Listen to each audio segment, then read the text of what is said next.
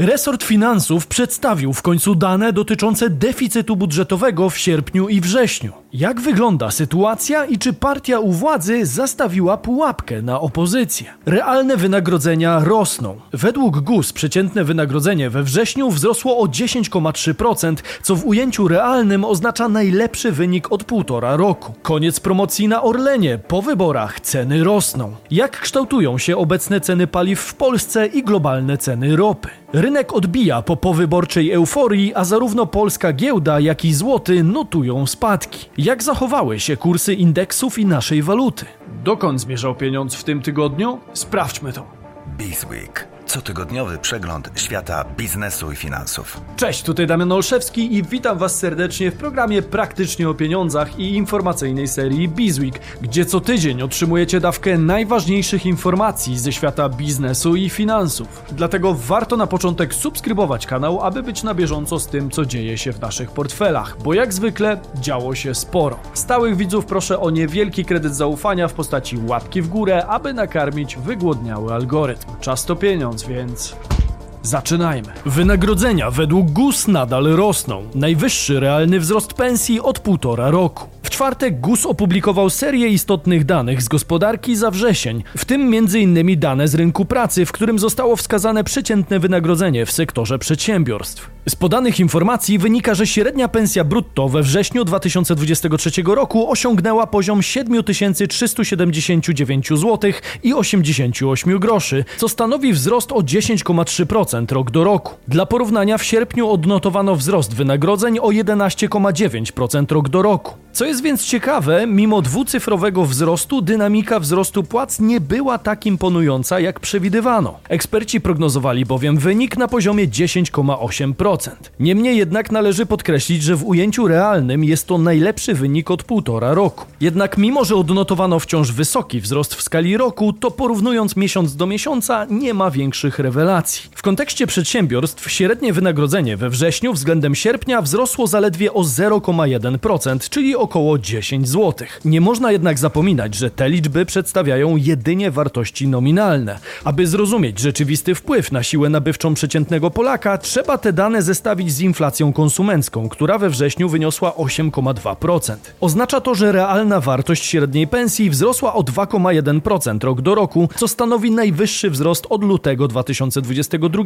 kiedy to Rosja rozpoczęła pełnoskalową agresję na Ukrainę. Z czego wynika więc obecna sytuacja na rynku wynagrodzeń? Kluczową rolę odegrał tutaj oczywiście znaczący spadek wskaźnika inflacji CPI we wrześniu. Co więcej, obecna dynamika płac jest niezwykle zmienna, co można przypisać różnym czynnikom, w tym takim jak premie wypłacane w ubiegłym roku w sektorach takich jak górnictwo i energetyka. Zauważalny jest natomiast trend spadkowy w dynamice wzrostu płac, ale równocześnie obserwuje się stopniowy wzrost wynagrodzeń w ujęciu realnym. Co to oznacza w praktyce? Oznacza to, że stopniowo rośnie siła nabywcza konsumentów, ponieważ według danych płace rosną szybciej niż inflacja. Aktualnie jest to zapewne wciąż mało zauważalne. Jednakże po nowym roku może się to zmienić, w szczególności dla najsłabiej zarabiających. Według ekspertów z ING niższa dynamika wzrostu średnich pensji w porównaniu z poprzednim miesiącem jest efektem wyższej bazy oraz mniejszej liczby dni roboczych w porównaniu z wrześniem 2022.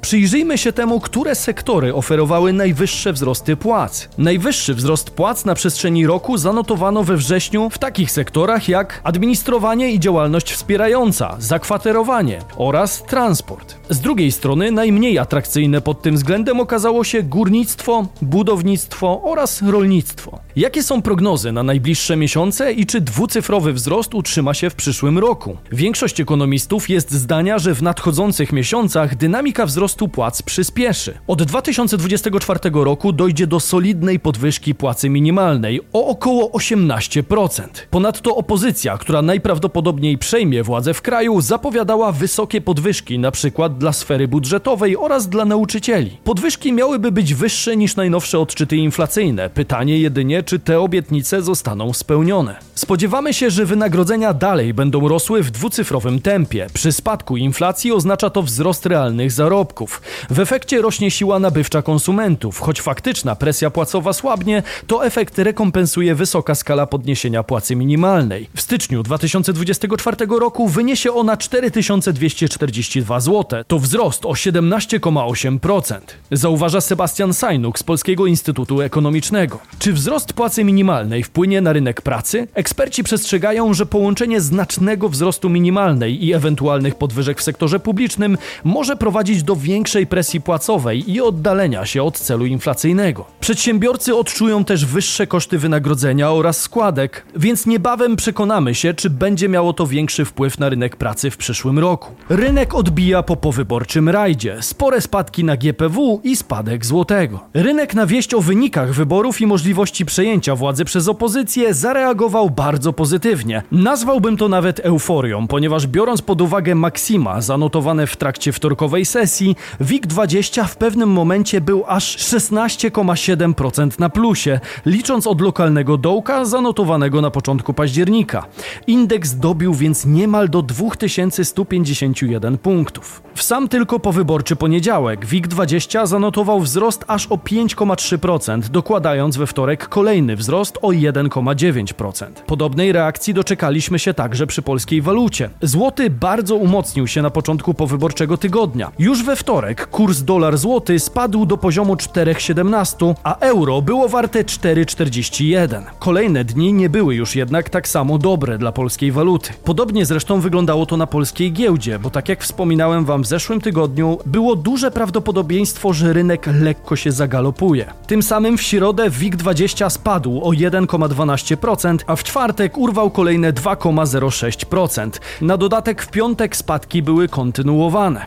W związku z tym postwyborcza euforia raczej się już zakończyła. Podobnie jak w przypadku walut, ponieważ w momencie tworzenia materiału dolar kosztował już 4,22, a euro 4,46. Czy w związku z tymi spadkami mamy się czego obawiać? Raczej nie, ponieważ warszawska giełda jest wciąż wyraźnie wyżej, a złoty jest mocniejszy niż przed wyborami. Według analityków trwające od środy spadki są po prostu realizacją zysków po silnych wzrostach na giełdzie i po silnym umocnieniu się złotego. Patrząc na środową sesję przez pryzmat ostatnich zwyżek wywołanych reakcją rynku na wynik wyborów parlamentarnych w Polsce, rozdanie wskazuje na wyczerpanie się impulsu. Zarówno polska waluta, jak i polskie spółki korygowały ostatnie umocnienie i miało to miejsce w kontekście wysokich wolumenów, więc można też mówić o realizacji zysków z ostatnich zwyżek. Podkreślili analitycy domu maklerskiego BOŚ. W ogólnym rozrachunku rynki wciąż pozytywnie patrzą na zmianę władzy w Polsce, jednak według analityków biura maklerskiego Alior Banku ryzyko polityczne wciąż jest na GPW obecne. Wynika to z tego, że inwestorzy będą teraz bacznie przyglądać się procesowi kształtowania się nowego parlamentu, czyli innymi będą zwracać uwagę na powołanie nowego rządu, a także jego pierwsze potencjalne decyzje. Czy zaraz po nich rynek czekają potencjalne spadki, czy raczej dalsze wzrosty? Jak uważacie? Dajcie znać w komentarzu. Jeśli jeszcze nie sprzedaliście swoich dolarów i euro, to przypominam, gdzie można je zaparkować na 4,5 do 6,13% na 3 do 12 miesięcy. Taka oferta na rachunku brokerskim to raczej rzadkość i sam dość długo szukałem czegoś w obcej walucie z tym poziomem zwrotu. Ale finalnie się udało i obecnie sam korzystam z rachunków Freedom24, gdzie do mojego kapitału codziennie dopisywane są odsetki. Środki do 20 tysięcy euro są chronione przez tzw. Tak ICF, czyli Investor Compensation Fund, a spółka jest córką dużej grupy kapitałowej Freedom Holding Corp, notowanej na amerykańskim Nasdaqu. Dlatego partner kanału na swojej platformie udostępnia też szeroką gamę instrumentów finansowych, od ETF-ów po akcje i to zarówno ze Stanów, Azji, jak i Europy. Warto oczywiście pamiętać o ryzyku, które zawsze występuje przy inwestowaniu na rynkach kapitałowych. Jednak tych z Was, którzy poszukiwali międzynarodowego brokera lub ciekawej przystani dla obcej waluty, zachęcam do kliknięcia w link w opisie odcinka. Przypominam też, że co jakiś czas pojawiają się promocje dla naszej społeczności, dostępne wyłącznie dla osób, które do założenia konta użyły właśnie naszego linka. Koniec promocji na Orlenie? Po wyborach ceny w górę. Okres wyborczy się skończył, a wiele osób zastanawiało się, jak długo będą utrzymywane niższe ceny na Orlenie. W przedwyborczy piątek oraz powyborczy poniedziałek i wtorek metr sześcienny benzyny bezołowiowej 95 w hurcie kosztował na Orlenie 4754 zł. W środę doszło jednak do podwyżki w wysokości 24 zł, a więc cena metra sześciennego benzyny wzrosła wzrosła do kwoty 4778 zł. Mówimy o wzroście ceny w hurcie, więc pytanie, na ile przełoży się to na ceny na stacjach? Co prawda jest to pierwszy tak duży wzrost od 12 sierpnia. Bezołowiowa 95 jest obecnie najdroższa od 16 września. Dr Jakub Bogucki z portalu epetrol.pl tak wypowiedział się na temat potencjalnego wzrostu cen paliw w najbliższym czasie. Według naszych prognoz ceny w listopadzie mogą się zbliżyć nawet do 7 zł za litr. Byłby to naprawdę zauważalny wzrost, ponieważ według danych Reflex benzyna 95 kosztuje aktualnie średnio 6,08, a ceny paliw w Polsce praktycznie nie zmieniły się od dwóch miesięcy, pomimo znaczącego wzrostu cen ropy na rynkach światowych. Wzrost cen czarnego złota jest naprawdę zauważalny. Notowania ropy rosną drugi tydzień z rzędu, według Bloomberga głównie z powodu geopolityki, czyli obaw, że wojna w Izraelu rozszerzy się na inne państwa regionu. Od momentu ataku Hamasu na Izrael ropa Brent podrożała już o prawie 10% do poziomu ponad 93 dolarów za baryłkę w chwili tworzenia tego materiału. Resort Finansów przedstawił raport deficytu budżetowego. Jak mają się finanse Polski? Resort Finansów przedstawił dane dotyczące deficytu budżetowego. Pytanie więc, czy mamy powody do obaw? Co ciekawe, w ciągu zaledwie dwóch dni resort przedstawił raport deficytu budżetowego za dwa miesiące naraz, czyli za sierpień i za wrzesień. Przypadek? Nie sądzę. Echa wyborów wciąż rozbrzmiewają i wygląda jakby rząd Prawa i Sprawiedliwości specjalnie zdecydował się ujawnić te dane dopiero po wyborach. Dlaczego? W okresie styczeń-sierpień deficyt budżetowy wyniósł 16,6 miliardów złotych, co stanowiło 18,1% wartości, jaką zakładano w znowelizowanej ustawie budżetowej. Dla porównania, w lipcu deficyt wynosił nieco ponad 13 miliardów złotych. Dochody wyniosły 373,8 miliardów złotych, a wydatki 390,4 miliardy złotych. Jednak mając w ręku dostęp do najnowszych danych, zaliczających już wrzesień, raport do sierpnia staje się przestarzały. Skupmy się więc na najnowszym raporcie. W okresie styczeń-wrzesień dochód wyniósł 418 miliardów złotych, natomiast wydatki budżetowe 452 miliardy złotych. Zatem według prostej matematyki deficyt budżetowy wyniósł 34 miliardy złotych. Interesujący jest tutaj wzrost deficytu między lipcem a sierpniem oraz sierpniem i wrześniem. Deficyt w pierwszym zestawieniu wzrósł o ponad 3,5 miliarda złotych, natomiast między sierpniem a wrześniem aż o niemal 17,5 miliarda złotych. Wszystko więc wskazuje na to, że rząd celowo opóźniał przedstawienie wyników i zastawił na opozycję swego rodzaju pułapkę. Z drugiej strony nie ma co się dziwić. Taka amunicja w rękach opozycji przed wyborami jeszcze bardziej mogłaby pogrążyć wyniki PiSu w wyborach. Pora na szczegóły. Dochody podatkowe budżetu państwa od stycznia do września 2023 wyniosły 366,8 miliarda złotych, co stanowi wzrost o 14,7 miliarda złotych w porównaniu z rokiem 2022.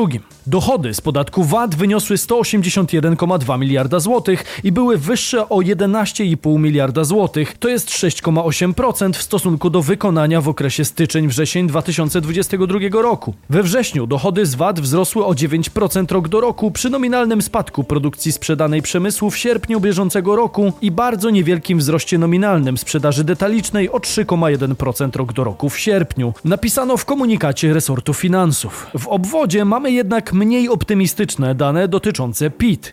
Dochody wyniosły 56,1 miliarda złotych i były niższe o 1,4 miliarda, czyli około 2,5% w porównaniu z ubiegłym rokiem. Zgodnie z wyjaśnieniem resortu finansów to efekt obniżki stawki podatkowej w 2022 roku i związanych z tym wyższych zwrotów podatkowych. Natomiast sam wrzesień przyniósł już pozytywną niespodziankę. Dochody z PIT były bowiem wyższe o około 2,8 miliarda złotych, co stanowi wzrost o przeszło 42%.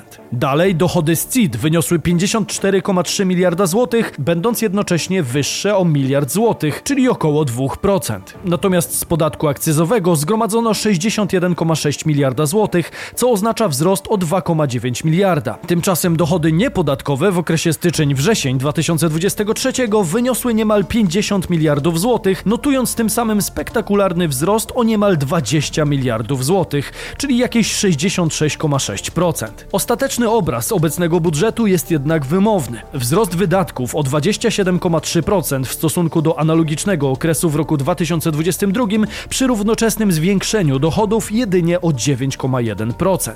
To oczywiście sytuacja, która może mieć wpływ na decyzje przyszłego rządu. W tym kontekście warto zauważyć, że deficyt stanowi obecnie 37,7% planowanego deficytu po nowelizacji budżetu z czerwca 2023 roku. Dodatkowo zrealizowano 65,3% wydatków zaplanowanych w nowelizacji budżetowej, a plan dochodów wykonano w 69,5%. Bardzo często w politycznej debacie spotkamy się ze stwierdzeniem, że Polska jest zadłużona pod przysłowiowy korek. Jednak czy aby na pewno tak jest? Patrząc na pierwszy z brzegu wykres w porównaniu z innymi krajami europejskimi, wcale nie jest aż tak źle i chętnie zrobię na ten temat szczegółowy odcinek, który możecie zamówić odpowiednim hashtagiem w komentarzu. Wystarczy zostawić po sobie hashtag dług polski. Mówił Damian Olszewski, a to był Bizweek, wasz cotygodniowy przegląd najważniejszych wieści ze świata biznesu i finansów. Przypominam o ofercie partnera Freedom24 dostępnej dla bizonów jedynie po kliknięciu w link w opisie filmu. Warto także subskrybować kanał, aby wiedzieć dokąd zmierzał pieniądz, a my widzimy się już za moment w jednym z poprzednich odcinków, które znajdziecie wokół mnie, a jeśli nie, to dopiero za tydzień, w sobotę i niedzielę o 15. Cześć!